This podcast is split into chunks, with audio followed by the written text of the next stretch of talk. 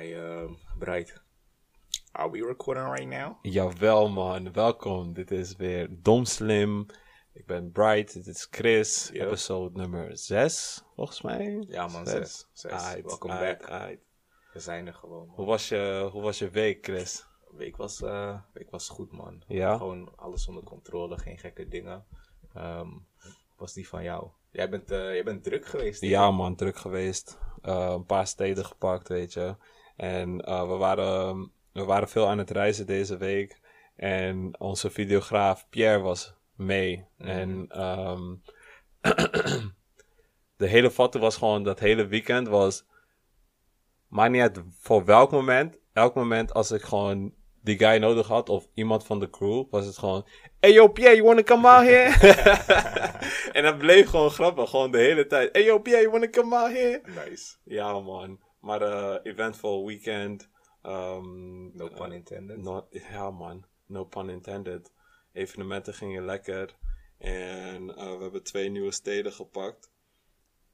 Over het algemeen was ik ook wel tevreden, maar het was, het was wel heavy man. Ja. Als, je, eh, in, ehm, als je op vrijdag begint, je rijdt gewoon helemaal naar het oosten van het land, naar Nijmegen.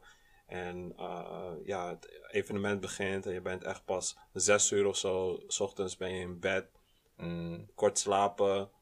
En dan weer eh, ehm, terug naar Den Haag. Dat is ook weer even anderhalf uur rijden. mhm. En Even klaarmaken voor de volgende. Ja man, gelijk klaarmaken. eh, wat, wat ads en zo gaan klaarzetten. Misschien een korte nap van een uurtje. En dan gelijk weer naar Antwerpen rijden. En Mm. daar weer druk zijn tot en met 6 uur in de ochtend. En dan weer kort slapen om weer terug te rijden naar Den Haag. Weet Ja. je, dat shit. Ja man. It's, uh, it's, it's getting heavy. It's Ja, getting man. heavy. Ik vraag me af, want kijk, jullie waren dan op een tour, maar jullie waren gewoon... Je moesten het event opzetten. Ja. Ehm, hoe tourlife er voor artiesten altijd uitziet, is gewoon elke avond vissa, een paar uurtjes in de club optreden of in je, bij je show. Ja. De volgende dag hetzelfde opnieuw doen, elke dag lid. Ja. Maar voor jullie is het gewoon hard werken. Ja, eh, ehm, en eigenlijk wil ik je dan wel gelijk echt even wijzen op een misconception. Want Mhm. die hele tourlife van artiesten ziet er allemaal leuk en aardig uit. Maar net als hoeveel mensen zeggen van... ehm, als je te veel neemt van iets, maar niet, maakt niet uit wat het is, Mhm. wordt het gewoon op een gegeven moment te veel en wordt het niet goed voor je. Mhm. En zo is het ook met artiesten. Want eh, als je gewoon een eh A-level artiest bent en je hebt gewoon meerdere boekingen per week. Mhm. Meerdere boekingen per week lijkt allemaal leuk en aardig. Maar op een gegeven moment wordt het echt heel vermoeiend. Want wat, wat veel mensen niet beseffen is, als je thuis bent of je bent dan thuis even aan het uitrusten of je bent in de studio aan het werk. Dus je bent Mhm. muziek aan het produceren of je bent ehm, aan het netwerken met mensen. En dan ga je dus in de avond ga je je klaarmaken voor je show. Misschien moet je eerder aanwezig zijn bij de venue voor een soundcheck. Stel voor je show is eh 1 uur s'nachts. Meestal is die soundcheck sowieso voordat de venue geopend is. Mm. Ben je daar al rond eh, half tien, tien uur, ben je al die soundcheck aan het doen. En dan eh, heb je weer even twee, drie uurtjes om, om te chillen voordat je show begint. Je show, ehm, ja, die vindt plaats misschien om één uur. Je doet die show 40 minuten. En dan natuurlijk zijn er fans, zijn er vrienden, zijn er allemaal mensen die wat van je Mhm. willen, mensen die een interview willen, whatever. Die moet je ook allemaal even gaan pleasen op de een of andere manier. Is het even een shotje met eh, die Mattie die je lang niet hebt gezien, die eindelijk de tijd heeft gevonden om naar een van je shows te komen. En voor je het weet ben je vijf shotjes verder, je bent weer panja en dan ga je weer even feesten. Je gaat dansen, maar ehm, ja, sommige artiesten die hebben dan gewoon weer een 9 uur 's ochtends hebben ze gewoon weer een, eh, een studio sessie met een andere artiest, snap je? Ja, Dus dan is het even een paar uurtjes slapen. En dat is nog, dat is eigenlijk niet eens E-level artiest. Dat is gewoon nog steeds gewoon, dan dan ben je landelijk, ben je gewoon ben je bezig. in de club. Precies. Clubtour is nog niet echt E-level. Dat is nog niet, dat is nog niks. Als je echt gewoon E-level bent en je hebt wereldwijde bookings, Ja. dat is killing. Dat is Ja. killing. Ja. Want de enige momenten komt dat je veel hebt... om- pers bij kijken. Ja, Iedereen wil veel van je tijd. Ja, eigenlijk. man. En de, de momenten die jij hebt voor jezelf zijn eigenlijk gewoon de momenten de- dat je aan het reizen bent naar de volgende boeking. Mm. Want ehm, als je ook kijkt naar de boekingen van eh, grote, grote DJ's, die gaan echt gewoon op een avond gaan ze van Amsterdam naar eh, Egypte en dan naar eh, Thailand. En dan vliegen ze terug naar New York, pakken ze LA en Al gewoon die- allemaal in een weekend, weet je. mensen, Ja. die zeggen dan van, eh, ja, wat, wat zie je als je leukste periode? Dan Ja. hebben ze het over die come-up daar naartoe. Ja, Want precies. dan heb je nog wel die, die tijd dat je en hard moet werken voor Ja. je shows en je populariteit, maar dat je ook nog alles voor de eerste keer ervaart. En je Ja, let's get Ja, maar als je, als je zeg maar weer negen uur in het vliegtuig moet zitten, omdat je van eh, Amsterdam naar eh, New York vliegt, en je komt daar aan, en eh, sowieso is je mentale klok, die is al helemaal fucked, want je weet niet eens, je moet, je hebt andere slaapschema's. Misschien kom je aan in de middag, maar is het voor jouw lichaam is het al s'nachts, dus dan ben je kapot moe. En kom je aan in de middag, zegt ze, oh, je moet nog even een interview houden met Beats Radio van, eh, van twee uur met die en die. En Ja. eh, daarna gaan we nog even een videoclip, eh videoclip, Videoclip. Clip. Abu, Abu. Nou, nog een videoclip gaan we schieten. En dan heb je even een momentje om te rusten. En dan is je eerste boeking al in New York. En op, ja, dan moet je toch weer even gaan voorbereiden. Ga je naar die club, je speelt. En dan ga je gelijk naar de volgende. En voor je het weet zit je vijf uur weer in het vliegtuig. En daartussen ben je ook nog bezig om ehm, hier en daar ook wat muziek af te maken. Dus je bent andere artiesten weer aan het connecten. Van, joh, kan je, kan je deze stem nog sturen? Kan je dit, deze beat nog? Dus je bent met van alles bezig. En je bent aan het reizen. Dus het momenten dat je echt even tijd voor jezelf hebt... is eigenlijk als je een beetje aan het reizen bent... op weg naar die volgende.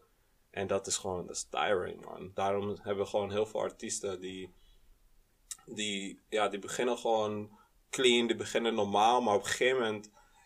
Ja, het, is ook, het is ook geen uitweg, maar ik kan me echt heel goed voorstellen waarom heel veel artiesten uiteindelijk ook gewoon aan de drugs gaan, omdat ze, ze redden het gewoon niet.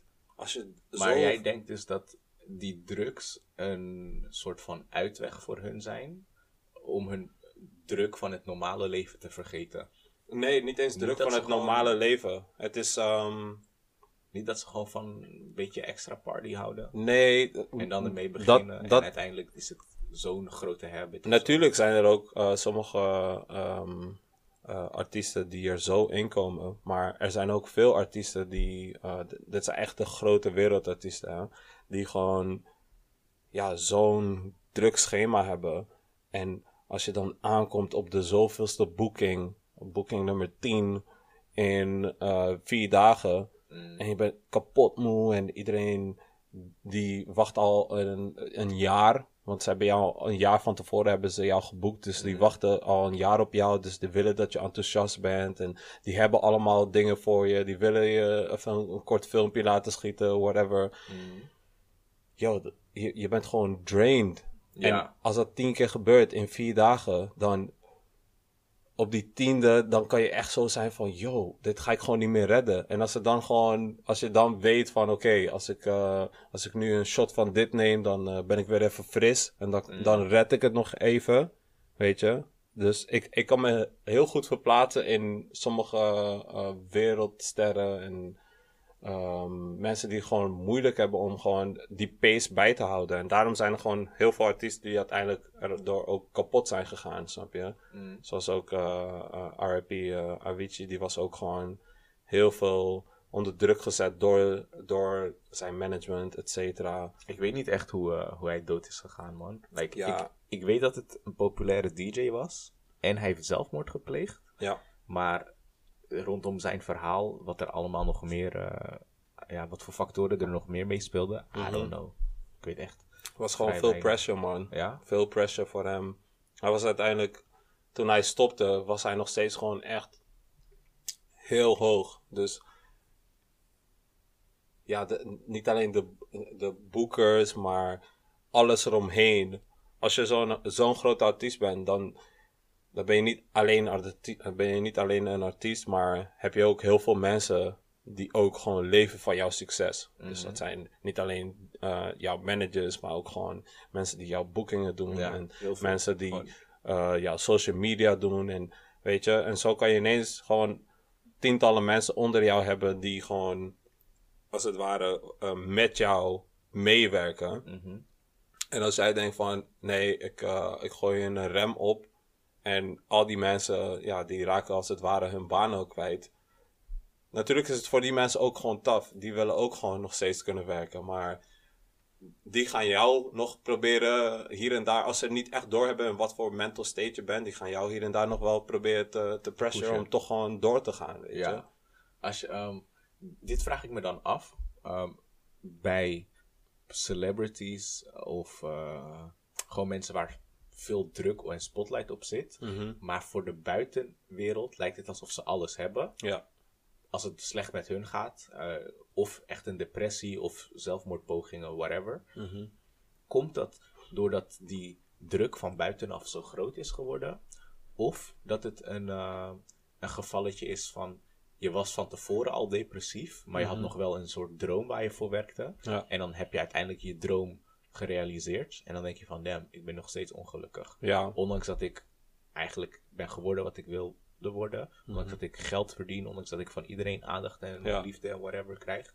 Ik voel me nog Ik, steeds ik denk dat er gewoon heel veel factoren zijn. En dat, dat verschilt gewoon per artiest. En ehm, verschilt ook gewoon inderdaad van hun mental state voordat ze echt die fame pakken. Mm. Ehm, als jij als artiest nauwelijks vrienden hebt en ehm, je, je doet gewoon heel veel alleen. Mhm. En je wordt ineens wereldbekend en je hebt ineens allemaal nieuwe vrienden en iedereen vindt je fucking loud.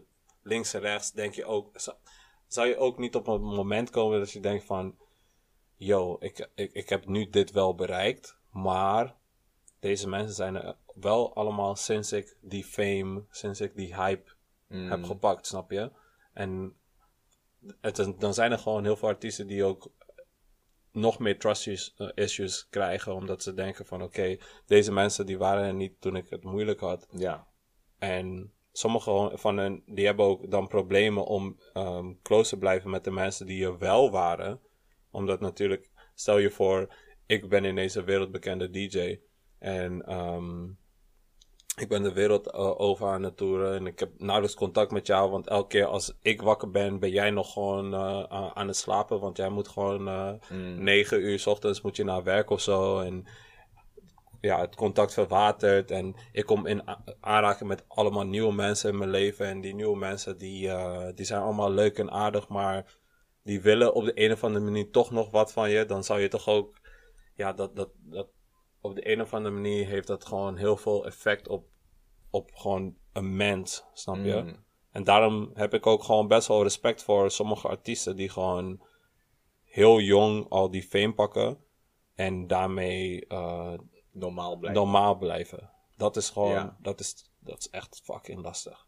Dat is zo lastig, man. Ja, lijkt me bijna onmogelijk. Soms hoor ik ook gewoon ineens een, een gekke story of zo over eh, bijvoorbeeld Justin Bieber. Hoor ik ineens, ja, hij heeft eh, een tattoo gezet of hij heeft dit ge- hij heeft iemand zitten uitschelden of zo. Dan denk ik van, oké, dit, dit hoort sowieso niet zo te gaan. Maar die kill, hij is eh, Sinds hij gewoon puber is, is hij een van de megastars. Ja, megastars, snap je? het, het moet iets met je kop doen. En ehm, misschien een. eh, heb je naar Kanye West laatste album geluisterd? Ja, eh, sorry, maar ik vond het best wel wack, man. Facts, ik ook. Ja. En, en ik zeg, kijk, ik ben echt een grote Kanye-fan geweest al Mhm. jaren, jaren, jaren. Maar ik kan ook gewoon zeggen, als Kanye West na Jezus gestopt was met muziek maken, Was hij echt op zijn top. cool. Ja. Kwam na Jezus direct Life of Pablo? Ik denk het wel. Ehm, bij Life of Pablo dacht ik al van, oké, dit, dit is minder dan daarvoor. Het Zat nog wel een paar goede het is pockets geen wack album, dat Ja, niet, maar ja. het was minder dan daarvoor. Daarvoor was het elke keer kwaliteit. Ja, man. En toen kwam J. Dat was, vanaf dat moment dacht ik van, damn, nu is het over. Ja. Nu is het klaar. Ja, man. Ehm, en bij Jesus is King, laatste album.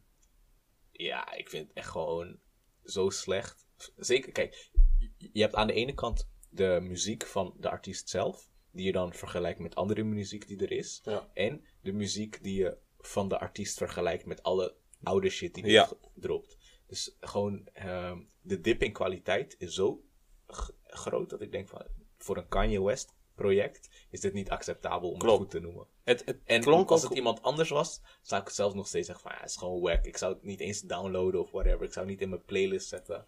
Maar er zaten een paar tracks tussen die ik wel goed geproduceerd vond. Maar alles waar Kanye West aanwezig is, slecht. Het koor dat hij gebruikt, mooi. Featurings, mooi. Tuurlijk. Songwriting van bepaalde dingen, goed. Mhm. Zodra Kanye zelf begint te rappen of zijn mond open doet, denk ik van, nah, die, this ain't it. Ja, man. Ik ben het met je eens. En ik had het erover met wat vrienden eh, dit weekend. En die waren van, ja, nee, ik vond het wel hard. Het is wat anders. Maar ja, hoe ik het wel zie is, zeg maar... En ik kijk nu niet alleen per se naar wat Kanye eh, in het verleden heeft gedropt. Maar ook gewoon naar wat eh, um, over het algemeen wordt gezien als een ja, goede Ka- Kanye-record Mhm. over het algemeen zijn veel mensen gewoon niet tevreden over dit album. Mhm. En ik, kan me daarin vinden. Maar dat is gewoon omdat wij gewoon veel beter van Kanye gewend zijn. Mhm. En die kwaliteit is gewoon omlaag. Ik hoorde gewoon bij sommige pokoes, dacht ik van... Yo, ehm, heeft, heeft iemand dit wel gemasterd? Juist, het Het is zo slecht gewoon, de gemixt. kwaliteit was gewoon laag. En ik Ja, dacht, dat kan toch niet? Dit is niet de Kanye, de perfectionist die wij kennen. Yep. Degene die gewoon dan te veel tijd steekt in die beat. Want hij was producer voordat hij rapper was. Mhm. Dan kan je niet een album droppen en dat er gewoon beats klinken alsof ze, weet je... Ze zijn op die, alsof die dit- iPhone-oortjes Ja, opgenomen. alsof het die tweede versie is van die beat. Snap Ja, je? man. Ja. Dit is... eh, maar... We hebben het nu over de muziek, maar het gaat ook nog een beetje terug op dat topic daarvoor van... ehm, fame kan gekke dingen met je Ja. hoofd doen. Dat zie je bij hem ook wel. En ik weet niet dan of het een gevolg is van de beroemdheid... of het een gevolg is van hoe andere mensen op hem reageren. Want hij wordt natuurlijk al jarenlang als een genie aangeprezen... en iedereen om Mhm. zich heen die... Oh, Kanye, eh bla bla bla. Of gewoon het feit dat hij ook nog met zijn eigen struggles loopt en mental issues en verdriet en whatever. Maar Mhm. bij hem zie je ook gewoon gedrag dat zo vreemd is. Maar omdat het van een beroemdheid komt, dan heeft het een hele andere status of zo. I don't know. Kanye West is een, eh, is een vreemd geval, man. Hij heeft ook. ehm, ja, hij heeft gewoon zo'n apart karakter. Ik denk, ik denk sowieso. Ik ben van mening. ik ben van mening dat een beetje die Kardashians hem ook een beetje gefokt hebben. En dat hij op een gegeven moment toch hoog in zijn eigen bol kwam. Hij dacht op een gegeven moment van. Yo, ik ben, ik ben zo erg die guy. Ik kan zeggen en doen wat ik wil. Dus hij is gewoon. Hij zijn humbleness is hij een beetje kwijtgeraakt. Heeft hij dat ooit gehad? Ja, ik denk dat hij dat wel heeft gehad, maar niet dat hij het zelf uitte. Mhm. Maar ehm, hij, deed, hij deed dat op andere manieren. Door gewoon. Als ik terug moet denken aan het feit dat op een gegeven moment Kanye ook dikke beef had met Jay-Z. Mhm. Jay-Z en Kanye, die zijn gewoon bijna yin en yang. Ze zijn gewoon tegenovergestelde, maar ze passen zo goed bij elkaar. Mhm.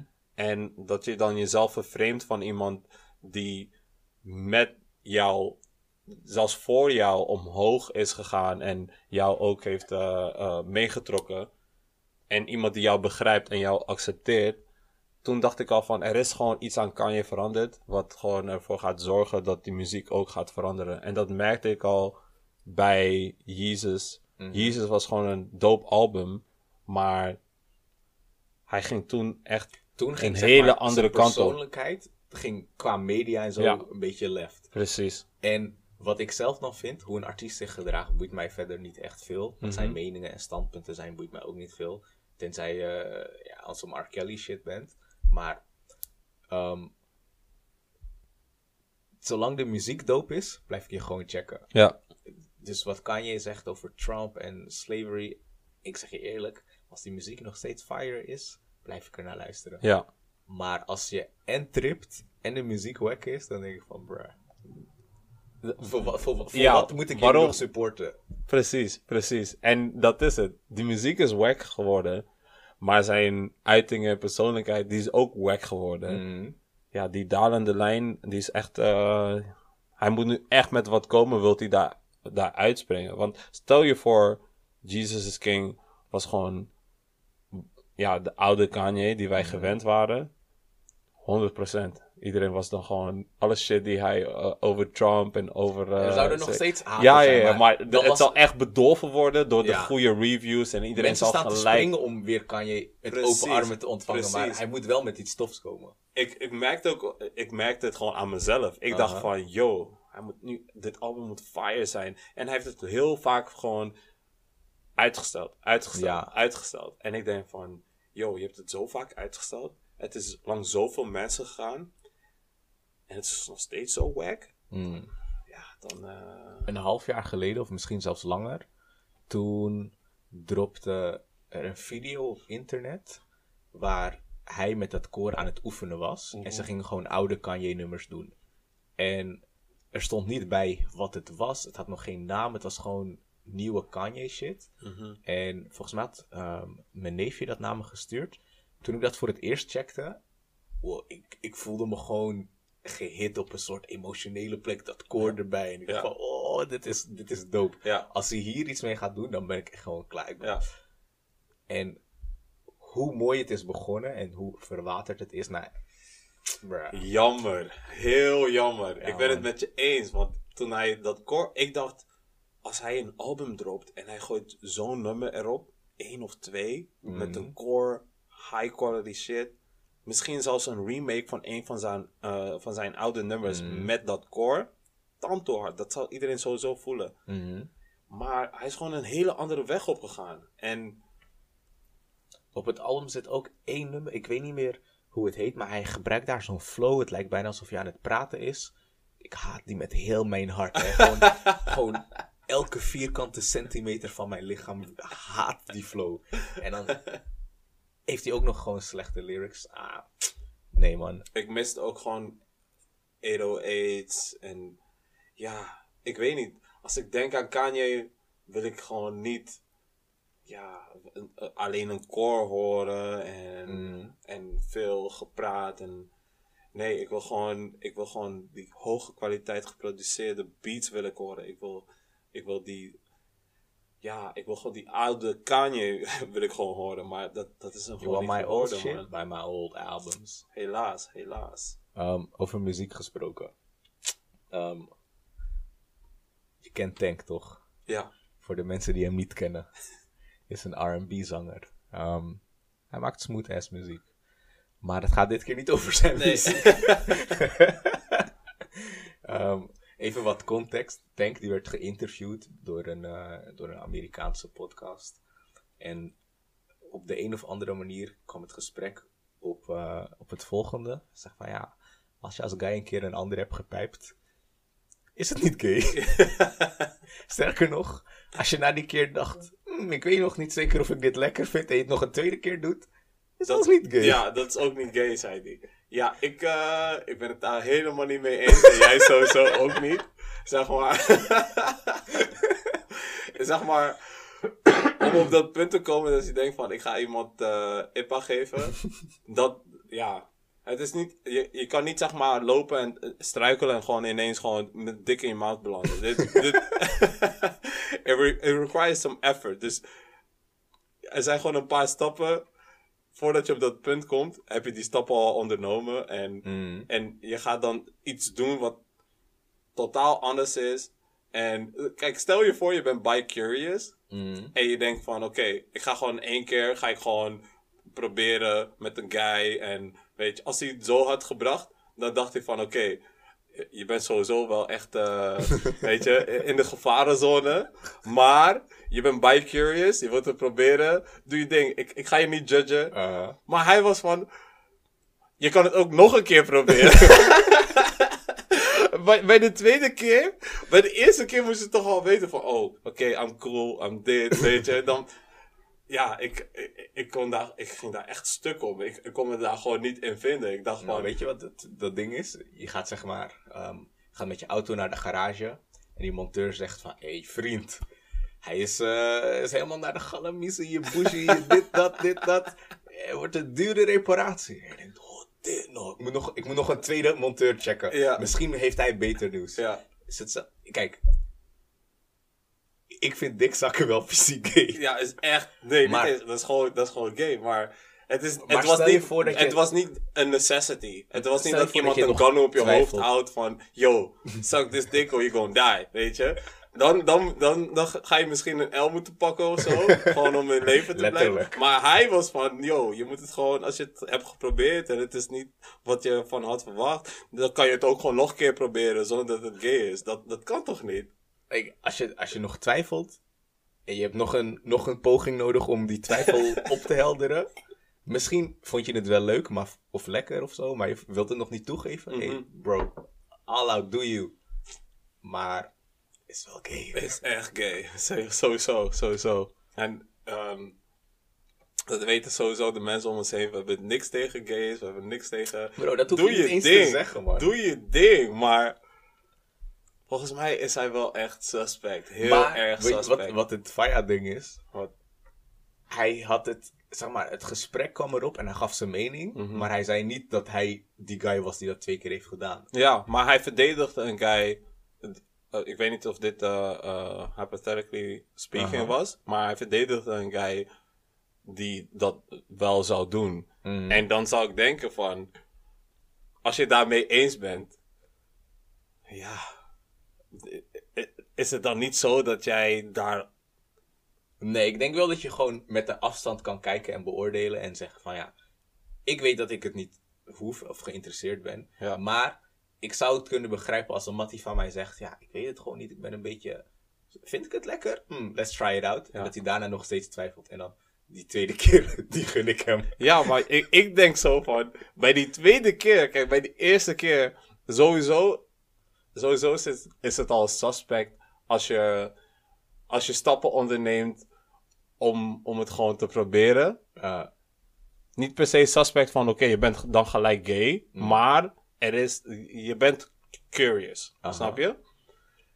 Als je je kan vinden in die curiousness, dan denk ik ook wel dat er gewoon wat, wat daar zit. Niet per se dat jij het zelf zou willen doen, maar hoe hij het echt aan het verdedigen was, was ik echt van, oké, maar... you really invested Ja, in this topic. echt, eh, ik, weet niet, eh, ik weet niet wat er is gebeurd, maar je bent echt helemaal, helemaal overtuigd dat het niet gay is als je dan Mm. voor de tweede keer nog een, nog een keer zou willen checken of het, eh, Mm. of het wat voor je is of niet. Mm. Ja, man. Hé, hey, maar. ik vraag me af. Ja. Als je, oké, je, je hebt een boy IPA gegeven, Ja. je bent gay. Maar hoe lang blijf je gay? Want je kan toch Het is zeggen, niet iets wat na vijf maanden gewoon weggaat. want je kan toch zeggen van, ja, ik moest even proberen, maar ik voel het niet. en daarna ga je nooit meer hoofd geven.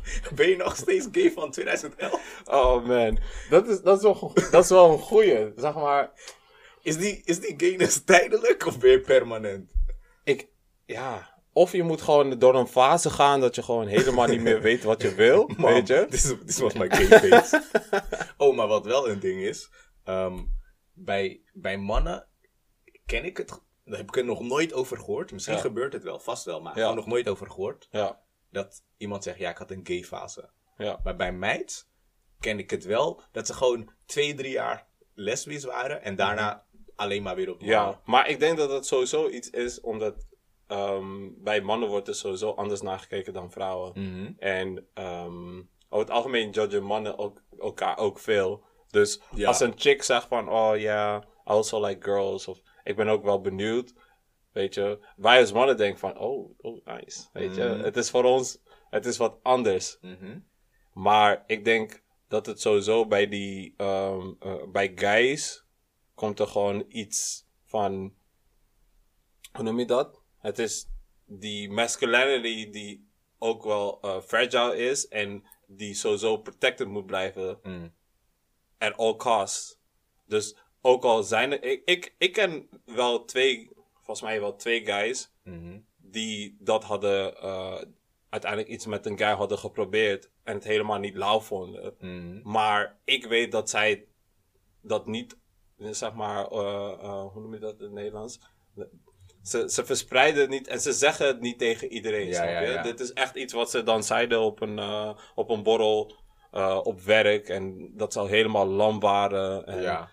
Dat is ook gewoon, ja, ze worden sowieso echt zwaar gejudged als ze met zoiets zouden komen, snap je? Worden ze meer gejudged door de mannen in hun omgeving of de vrouwen met wie De ze in de toekomst nog misschien moeten daten?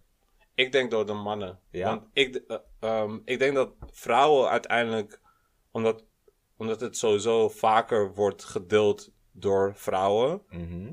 daar meer begrip voor hebben dan guys. Want Ja, als guy hoor je bijna nooit over. ja, Dus als je het hoort, denk je van, yo, mm, ik geloof het niet echt. Ja, you probably gay, snap je? ja. Maar vrouwen die, omdat ze over het algemeen wel vaker over hun curious fase hebben of, er- eh, of over hun lesbian fase hebben, is het sneller geaccepteerd. En zou een vrouw ook denken van, oh, weet je, je hebt dit misschien wel gedaan toen je, weet ik veel, 22 was. Ja. Maar ik had ook een moment dat ik ook heel graag een chick wilde zoenen.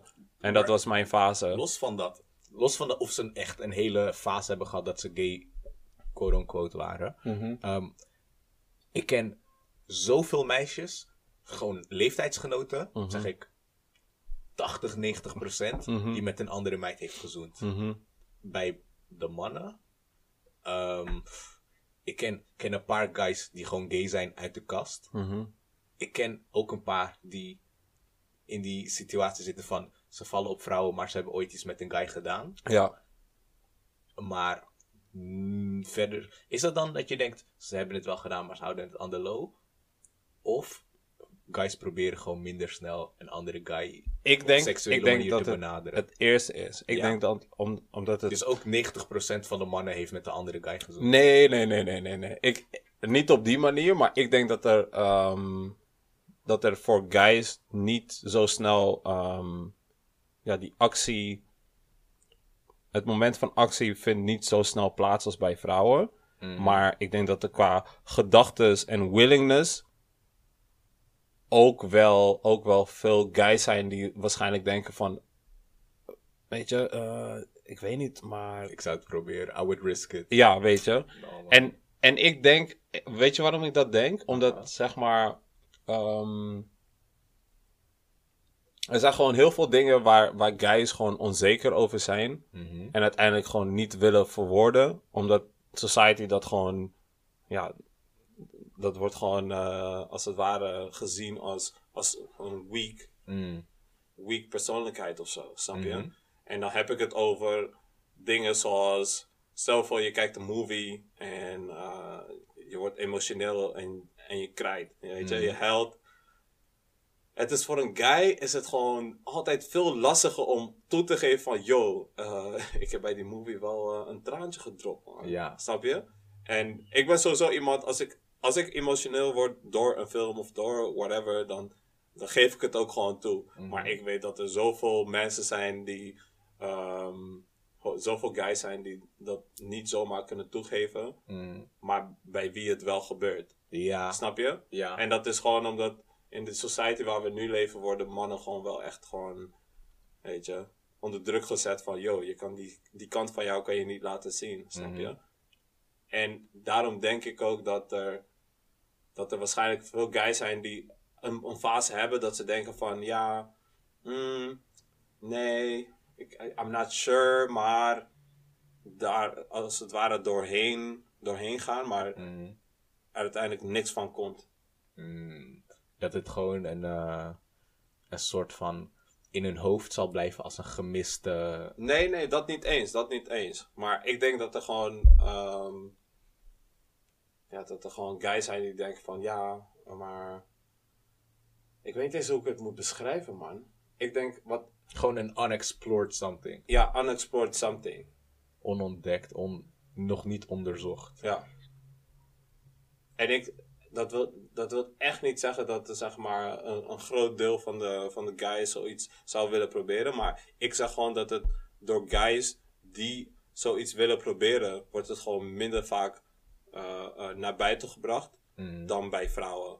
En daardoor is het ook gewoon iets wat, waar veel mensen niks van weten in vergelijking met vrouwen. Want vrouwen die praten daar graag en openlijk over. Ja. Maar dat is ook gewoon, ja, er zit gewoon een stigma op een man zijn En dat, eh, Je moet aan bepaalde dingen voldoen. Precies. shit. Ja, precies. dat is wel. Je hebt als man mm, misschien een op, op dat gebied seksuele geaardheid en uitdrukking Ja. een, een beperktere eh, rol of zo. Ja, ja, ja. Maar ik vraag me dan af, wat, of, wat zeg maar, het is een beetje een kip-en-ei verhaal. Wat komt er nou eerst? Ja, Is het zo dat je die beperktere rol hebt en je daardoor daarna gaat gedragen en dan dit soort dingen uit je hoofd zet? Mhm. Of hebben mannen die gedachten sowieso minder, waardoor ze die rol op zich nemen en het een soort bevestiging is van Ik wat denk- we al hebben? Ik denk zelf dat mannen sowieso die gedachten minder hebben. Want het, als je ook kijkt, gaan, eh, als je kijkt naar de omgang van vrouwen met elkaar. Vrouwen zijn op, over het algemeen ook gewoon veel closer, weet je. Die, Fysieker. fysieker, Ja. weet je. Die zijn gewoon, zitten ook vaak veel dichter bij elkaar. Veel, veel aanrakingen Mm. en whatever. En ehm, dat hebben mannen over het algemeen niet. Ja, Snap ook, ook gewoon ehm, qua. Ik ken, ik ken veel vriendinnen die dan vriendinnen van elkaar zijn. Ja. En naaktheid is voor hun geen probleem. Mhm. Samen onder de douche en de één tanden poetsen. Gewoon naakt in elkaars buurt zijn of tegelijkertijd in bad. Kan. En als het gewoon niet seksueel, maar als vrienden. Ja. hey, ik woon al een paar jaar met een van mijn goede matties in huis. Ja. Zonder shirt door huis lopen is cool, maar die broek die blijft Ja, gewoon die blijft gewoon altijd aan. Dat is ook zo. Maar dat is, dat is, ook, dat is ook gewoon. Je, je, wilt het, je wilt het ook niet, weet je. Het is, het is gewoon ongemakkelijk omdat het gewoon niet gebeurt. Maar omdat, omdat dames over het algemeen altijd gewoon veel closer met elkaar zijn. En Mhm. het vaak gebeurt. En, en het sowieso meer geaccepteerd is. Mm. Gebeurt het ook gewoon wel. Kom, komen ze waarschijnlijk wel ook wel vaker in een situatie Mhm. dat, ehm, dat er gewoon iets, een moment komt wa- waardoor zo- als het ware wat curiousness wordt aan, aangewakkerd of zo. Ja, Denk je niet? Ik, ja, ik weet niet, man. Het is, het is sowieso echt een lastige topic. We moeten misschien de volgende keer gewoon eh, een, een psycholoog of zo eh, uitnodigen en daarover praten. Hoe, Ja. hoe werkt dat? Hoe, hoe ja, verwerkt het menselijk brein zulke, zulke gedachten? En is dat ook wel zo? Want wij zijn geen experts. Wij kunnen Mhm. niet. eh, in, eh, eh, wij kunnen niet onderzoeken hierop raadplegen en zeggen Ja, van, joh, dit, dit, dit is eigenlijk het algemeen wat er gebeurt in het brein van een man en van een vrouw. Dus ja, ik, ik, misschien moeten we deze topic voor een To andere, voor een andere podcast laten. En dan nodigen we gewoon een expert uit. En Ja, man. vragen we zijn of haar seksuoloog, zoiets. Precies. Ik ken volgens mij wel een seksuoloog. Ja? Ja, man. Alright. Yes. Is een spang. Ja, ze is wel spannend. Ai, Oh man. Goeie. Weet je welke, weet je welke serie wel echt lauw is? Nee. Ehm hoe heet die serie ook alweer? Eh, Sex Education op Netflix.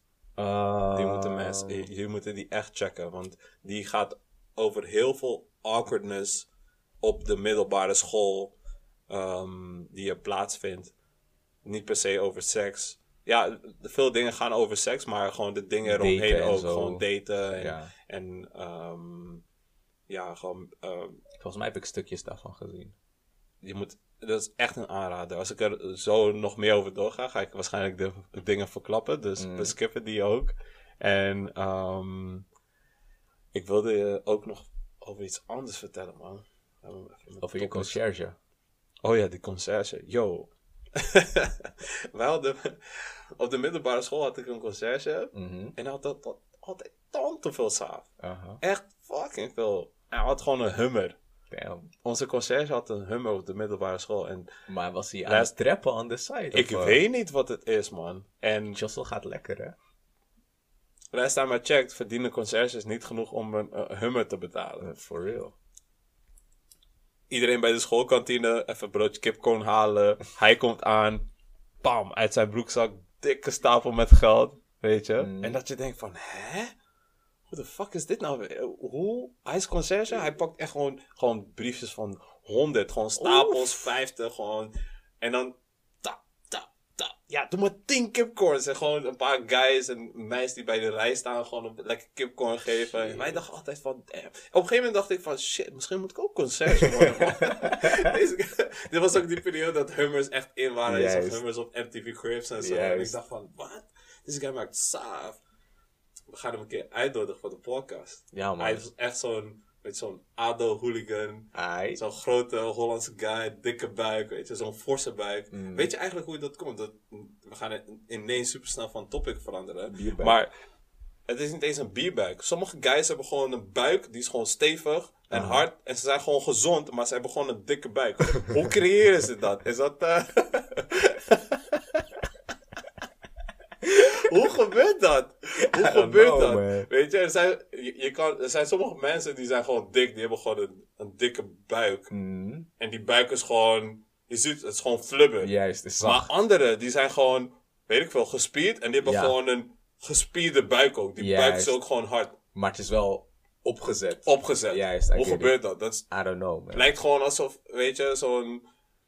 Zo'n Afrikaans kindje met zo'n groot buik, maar dan gewoon groter gewoon, bro. Hoe dan? Het is gewoon hard. is zeg maar hongerbuik met hongerbuik, maar dan, ik weet niet man. Ik, ik wil echt weten hoe dat komt. Ik dacht misschien eh, weet jij dat. No man, ik, ik weet het echt niet. Maar ik zou het een keertje opzoeken. Ehm, weet je wat echt eh dying is? Ja. Nederlands weer rond deze tijd. Yo. Als ik, als ik gewoon... Dit is zeg maar ehm, die periode. Je hebt in de zomer, dan weet je dat het lekker is, is als die kokosolie al gesmolten is. en dit is die periode dat je gewoon, zodra je de deur open doet, dan zeg je shit man. Weet je wat dit is? Dit is die periode. Ehm, net, net, als, net als gewoon die periode na een break-up. Je zit gewoon... Je bent gewoon even down. Je, je bent veel aan het reminiscen van wat er net is gebeurd. Dus de Mm, zomer, de zomer. Ja man, sweet summer. Lekker zonnetje. Lekker, weet je, op het, op het Je strand. ziet nog gewoon- foto's. Ja, je ziet foto's van je vakantie of zo. Ja. En je, je bent gewoon nog veel aan het reminiscen. En omdat het weer zo erg geswitcht is, wil je, ja, je bent een beetje depri omdat het net weg is. En op een gegeven moment is de herfst is eigenlijk zo'n periode dat je een beetje aan het afkicken bent van de zon. Mm. En tegen het einde van de herfst, rond begin, dus, ja, ja, ik denk rond december ongeveer, begin je het een beetje te accepteren. Het is nu koud.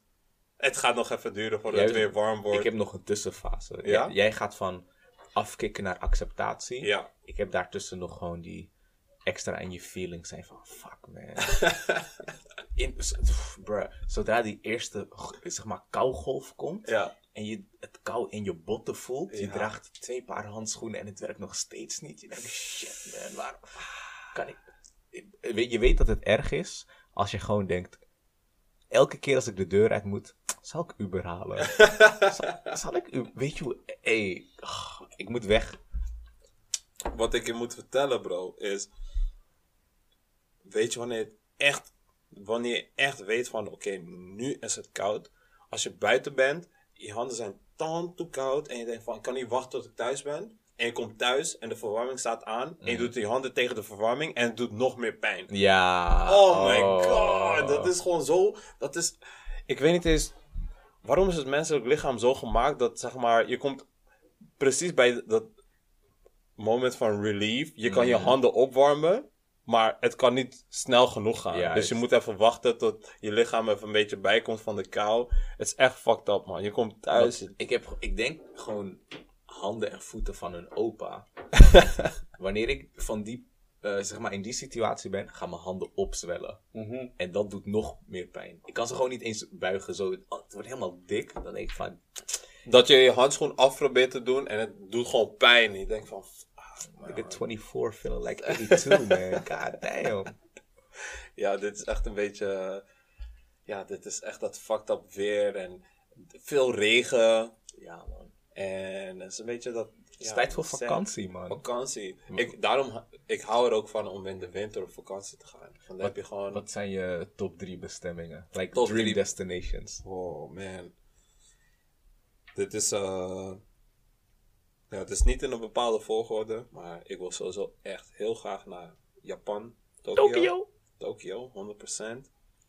Ik wil ook heel graag naar de Malediven. Mm. Malediven, sowieso omdat ik gewoon vanaf jongs af aan dat al zag als de droomdestination. Want ik Mhm. nog in Afrika woonde en ik zag, eh, ik zag films Mhm. en ik zag, zeg maar, strak blauw water. Mhm. zon en ik zag van die huisjes in het water. Dacht ik van, what the fuck? Is dit gewoon echt? Ik kon het Mm. gewoon niet geloven. Net als hoe ik ge- gewoon films keek. Ja, net als hoe ik films keek. En eh, van die Amerikaanse eh, eh, Christmas movies. Mhm. Home Alone en zo. En ik zag gewoon Sneeuw. sneeuw. En ik dacht van, what? Wat is dit? Ja.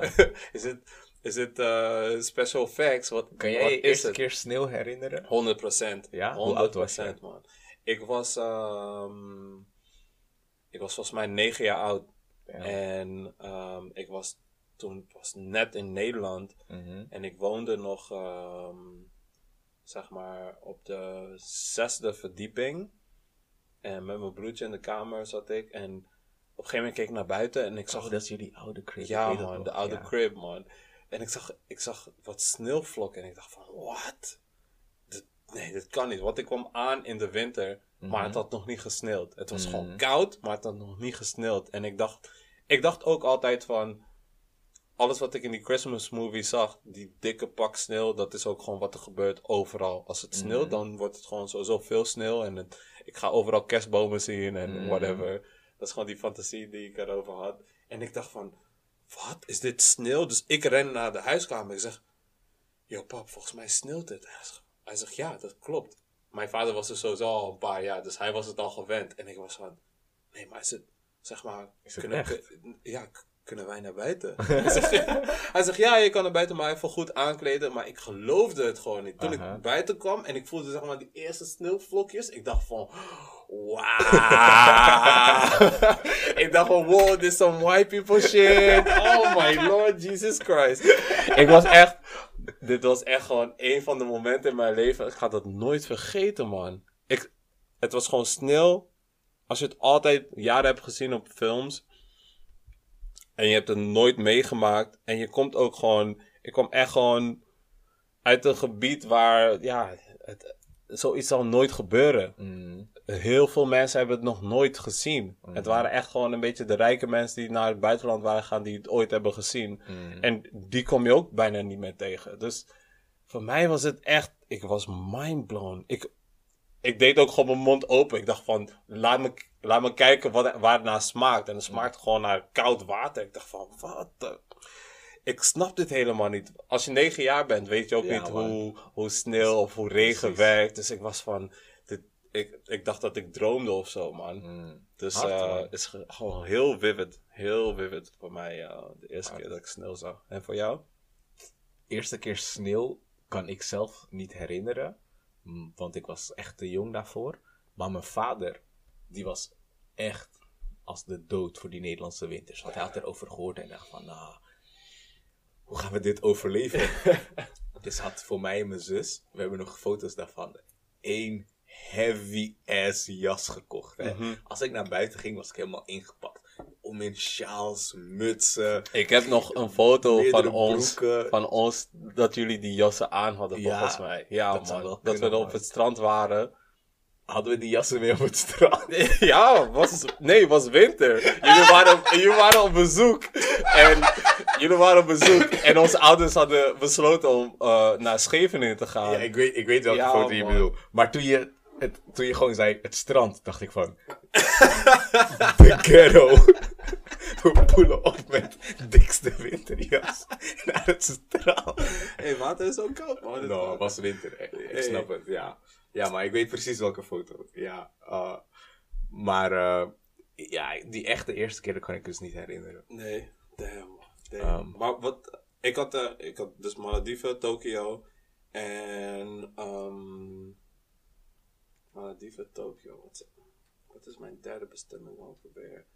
Ik zou ook heel graag, en ik weet niet eens waarom, ik wil ook, het is ook echt sinds kort, sinds ongeveer ehm, vier maanden of zo, wil ik ook heel graag ook naar Moskou, man. Mm. En dat is ook omdat ik gewoon veel shit erover heb zitten lezen en veel docus heb gecheckt. Het is gewoon een mysterieuze plek. Mensen is wel graag naar Moskou, maar uh, Russia trekt mij niet echt, man. Nee? Nee. Gewoon, ik weet niet, het trekt me niet. Er is gewoon niks waarvan ik denk, hmm, I would like to see it. Maar althans, Rode Plein heeft wel zo'n iconic gebouw. Ja, Dat ziet er wel heel mooi uit. ja. Dat zou ik wel checken. Maar, Weet je, het is Google, ook. hè? eh, Ja, het is ook gewoon dat het. We, we weten eigenlijk niet heel veel van Rusland. Mm, Het is tan te groot. ja, echt. Gewoon echt tan te groot. En er En- zijn. Sterker nog, Rusland is zo groot dat je eigenlijk niet eens kan praten over Rusland. Want Mhm. het oosten van het land en het westen van het land zijn eigenlijk verschillende mensen, Het verschillende gewoon zo erg. culturen. Aan de ene kant zie je gewoon mensen met Asian features. Mm. Aan de andere kant zie je gewoon mensen blond haar, blauwe ogen. Andere kant zwart haar, bruine ogen, Ja. groene ogen daar. Het, het is echt zo'n mix van verschillende. Maar dat is ook omdat het echt heel. Het is ook een heel wijd, Juist. wijde, wijde geografisch eh, gelegen land. Dus het Man, pakt een beetje van alles. words, hè? Ja, man. Maar het is, ja, het is, omdat het zo mysterieus is, omdat we er niet zoveel eh, van meekrijgen in, het westerse, in de westerse media en zo, ben ik daar gewoon heel erg benieuwd naar. Ja, man. En voor jou de, de, de top drie bestemmingen? Uh, ik heb ook Tokio. Maar 100%. jij hebt die gezegd, dus ik ga nog een andere bedenken. Ehm, zonder volgorde. Ik wil heel, heel, heel, heel graag naar New Orleans. Ik wil heel graag naar Tokio. Ehm, scratch that. Ik wil heel graag naar Cuba. Oh, Cuba. Heel graag. Ik ook. Ik ook. Cuba. Gewoon. En Maar- ik wil heel graag naar eh, Tanzania en dan de Kilimanjaro-berg beklimmen. Dat weet ik. Dat vertel je me ook al echt al jaren. Mhm. En ehm, toen je dat voor het eerst vertelde, dacht ik van... Wat? Nee, zo zo niet, man. Waarom zou ik dat doen, weet je? Maar hoe ouder ik word, hoe meer ik denk van... Yo, een berg beklimmen lijkt me echt lauw om te doen. En ik Mm. besefte dat echt laatst, toen ik een, eh, ehm, een documentaire aan het checken was... Over ehm, van die Sherpa's in Tibet. Ik ken die niet, man. Ehm, dat zijn zeg maar de, de bevolking die daar woont in die omgeving van waar Mount Everest is. Mhm. Die wordt echt gewoon geteisterd door toerisme. Mhm. Want zij kennen die bergen heel goed. En zij kunnen ook heel makkelijk die bergen beklimmen. En Mm. wat er gebeurd is, er zijn gewoon heel veel mensen uit het westen. Die leggen gewoon geld neer. En die willen dan de Mount Everest beklimmen. En het is gewoon een, een toeristische eh, eh, spot geworden. Wat die Sherpa's doen is, zij verkennen de area. Zij zorgen ervoor dat de ladders eh, worden geplaatst. En dat, dat de wegen richting de top gewoon allemaal clean zijn. Of eh, zeg maar te doen zijn voor die toeristen. Mhm. Maar ze riskeren hun leven. En er gaan ook behoorlijk wat Sherpa's gaan er, eh, gaan er dood elke keer. Omdat ze gewoon... Ja, dit, dit is gewoon... eh, Op Mount Everest gaan er zoveel mensen dood dat ze de lichamen niet eens naar beneden Klopt, halen. Want klopt. het gebeurt te vaak en is te gevaarlijk. te gevaarlijk om die lichamen te gaan opruimen. En Dat genoeg ook van die lichamen zijn nu ook van Sherpa's die doodgaan omdat ze elke keer honderden, duizenden toeristen naar die top moeten brengen. En zij, zij dragen al die apparatuur, al die kleding, Mm. al die tenten dragen zij mee. Want die toeristen die betalen gewoon tienduizenden, tienduizenden dollars om die berg te beklimmen. Maar wat ze doen is gewoon lekker, lekker naar boven lopen. En eh, het risico voor hen is heel minimaal. En die Sherpa's die dragen al hun ja. spullen. En die lopen ook vooruit. Die zorgen ervoor dat die tent is Dat opgezet. kamp is opgezet, Weet je, als ze bij eh, weer zo'n punt komen. En als ze aankomen is alles al ready. Food is ready. Ze slapen lekker in een warme tent. En die Sherpa's zijn net klaar met dat kamp opzetten. Als die guys aan het slapen zijn, zijn ze al verder aan het lopen naar het volgende punt. Om dat klaar te zetten. Teruglopen. Al die mensen halen. Mm. Ik, ja, Weet je wat we gaan doen? We gaan Kilimanjaro beklimmen en op die top een podcast opnemen. Hey! dat zou zo ziek zijn, man. Ja man, Zal dat eh, de, de highest podcast ever zijn? we moeten wel. Er moet wel iemand zijn die een podcast heeft opgenomen. In de... Mm, Ergens, ergens. Is nog hoger. Ik weet, de Kilimanjaro hoort bij de grote zeven. Maar Mhm. ik weet niet hoeveel van die zeven nog hoger zijn. Sowieso is de Everest de hoogste. Ja, Ehm, dus er zouden er nog max vijf andere kunnen zijn. ja. Als er daar iets opgenomen is, is dat hoger. En anders nemen we some green mee. En dan zijn wij de highest. Dat is ook een goede optie, man. Ik zeg je eerlijk, laten we dat gewoon doen binnen, laten we zeggen, binnen 10 jaar. Binnen vijf. Binnen 5? Binnen 5 jaar is eigenlijk heel goed te doen. Zeker weten. Say less. Promise. Ja, man. Alright. Onze dom slim luisteraars, die zijn ook getuigen van deze, deze promise. Ja, We man. gaan de Kilimanjaro gaan we beklimmen, man. 2019 voor 2024 zijn we daar geweest. Ik moet dan weer even terug naar de gym, man. Ik moet deze dabbot moet ik wel even eraf, eh, eraf gymmen. Nou, man, Kilimanjaro is, eh, is te doen. Ja? Ja, je, je, moet wel, ehm, je moet wel van tevoren iets qua training doen. Gewoon Mhm. omdat je veel uren op een dag aan het lopen bent. Ja. Maar het is niet ehm, qua hoeveel graden die omhoog gaan. Eh, Kijk, je hebt meerdere routes en er zijn genoeg routes. Ik zeg routes, maar genoeg routes die je gewoon kan lopen zonder extreme bergwandel of eh, klimervaring. Cool, cool. Ja, man. 100% down ervoor. Ik had sowieso gemerkt, toen ik voor het eerst ehm, eh, ging klimmen, bij zo'n klimmuur, Mhm. I got that shit. Ja? Ja, man. Ik, ik, zeg maar, ik was te laat. Jungle strength? Yo, ik weet niet wat het is, man. Maar ik was te laat voor die, eh, voor die sessie.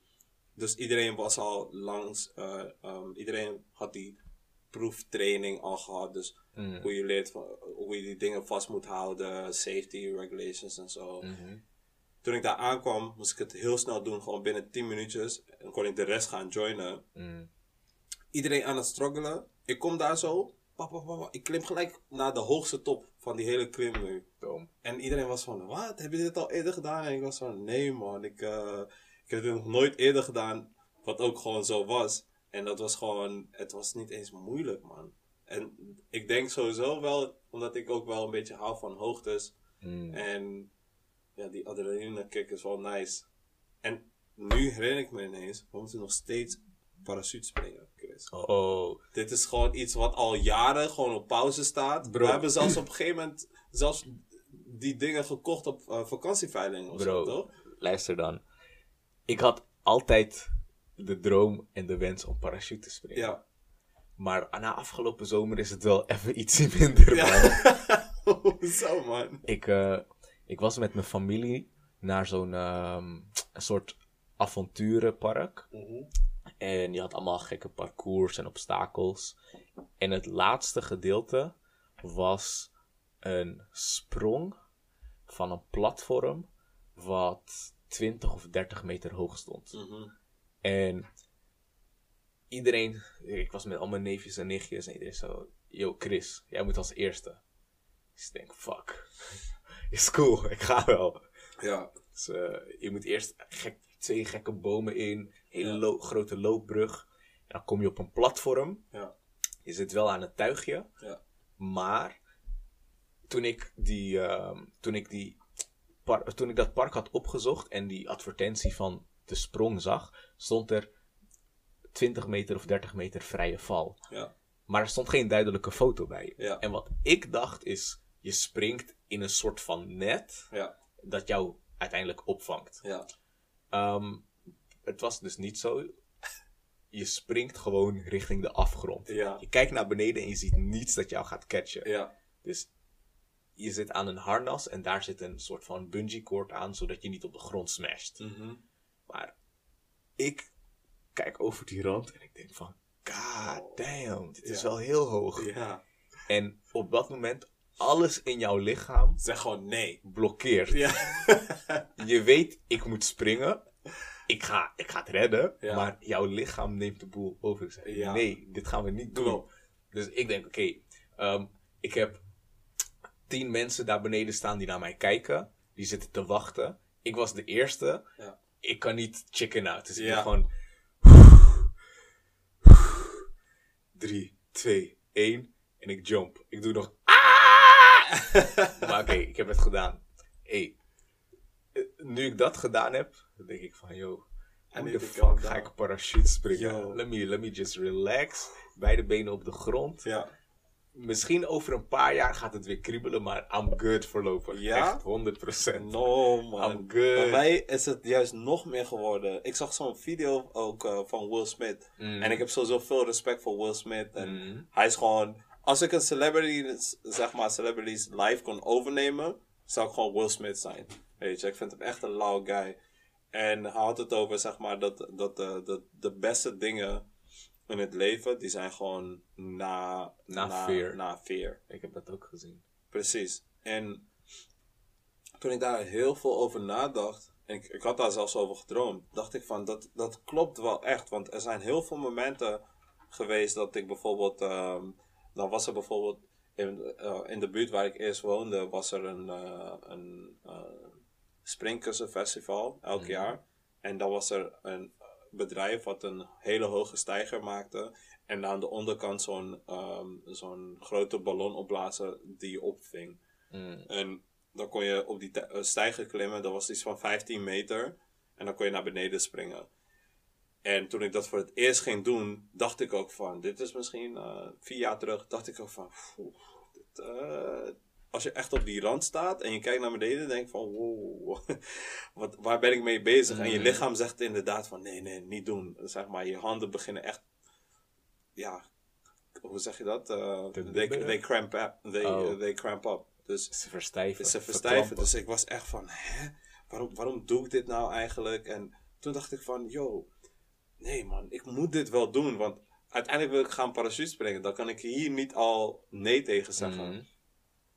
En op dat moment ben je heel bang. Maar het moment dat je springt, ik zeg je eerlijk, ook al was dat 15 meter, dan ben ik echt van, ik weet niet, het, het lijkt alsof er gewoon ineens 100 kilo van je schouders af Ja, is. En je, je bent ineens gewoon, Die, die opluchting. ja, je bent gewoon, want op dat moment weet je ook van, ik val nu. Mm. Als ik land, land ik. Juist. Als ik niet land, dan maakt het ook niet meer uit. Ja. Snap je wat Het ik bedoel? Ja, het is, ik, Je geeft ik- je over. Precies, je Ja, geeft man. je over. Je, je let go. Snap je? En dat gevoel al bij 15 meter is Mhm. al zo intens. Ja. Dan denk ik ook van, stel je voor, ik, ik krijg mezelf ook over dat punt om uit een vliegtuig te springen met een parachute. Met heel, natuurlijk, het is gewoon fucking gevaarlijk. Weet ja. je? Wat wel een voordeel is met dat parachute springen. Ja. Jij bent niet degene die moet jumpen. Je Ja. instructeur die op je rug zit, Ja. die springt voor jou. maar een correctie. Ik moet je even iets laten weten. Dat ding wat we hadden gekocht op vakantieveilingen. Was voor dat ons was voor zelf. onszelf. was, gewoon een- was gewoon zoiets. Je moet daar gewoon naartoe op een zaterdag. Ja. Dan doe je die cursus. Wat- Dan moet je over nadenken en iets tekenen. En dan Ja. volgende dag moet je nog een korte cursus doen. En dan ga je zelf Solo jump. Dat Ja, zal man. gewoon voor het eerst zijn. Snap je? Ik dacht ook van, ja, ik wil wel solo springen, dit, dat, dit, dat. I got this. Maar, no, No, hey. man.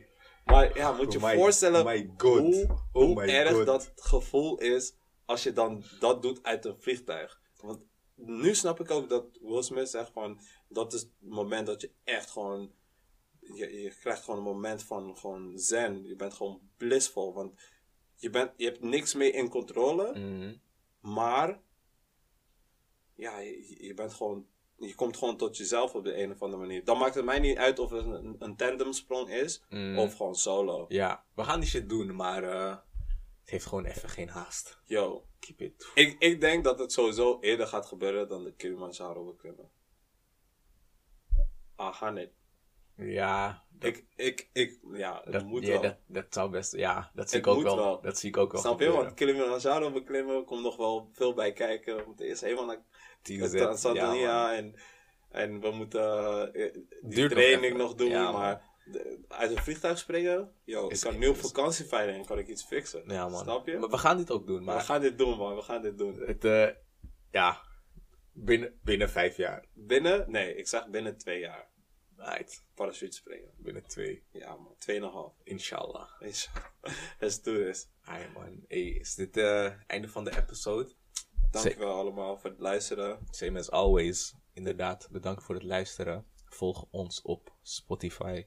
Als je daar op volgen drukt, krijg je elke keer in je eh, in je bibliotheek, in je scherm te zien als we een nieuwe episode droppen. Mhm. Ehm, volg ons op Instagram, Domslim Podcast. En op Spotify, Domslim Podcast. En als je geen Spotify hebt, of eh, Apple Music of whatever, maar je hebt wel internet, dan kan je altijd naar anchor.fm, dat is A-N-C-H-O-R.fm slash domslim. En daar kan je al onze episodes plus alle teasers kan je beluisteren. En als belangrijkste, als je dit hoort en je vond het dope, vertel het aan een vriend, aan een vriendin, aan de buurman, aan je moeder, aan je vader, aan je vader, aan je zusje, aan je...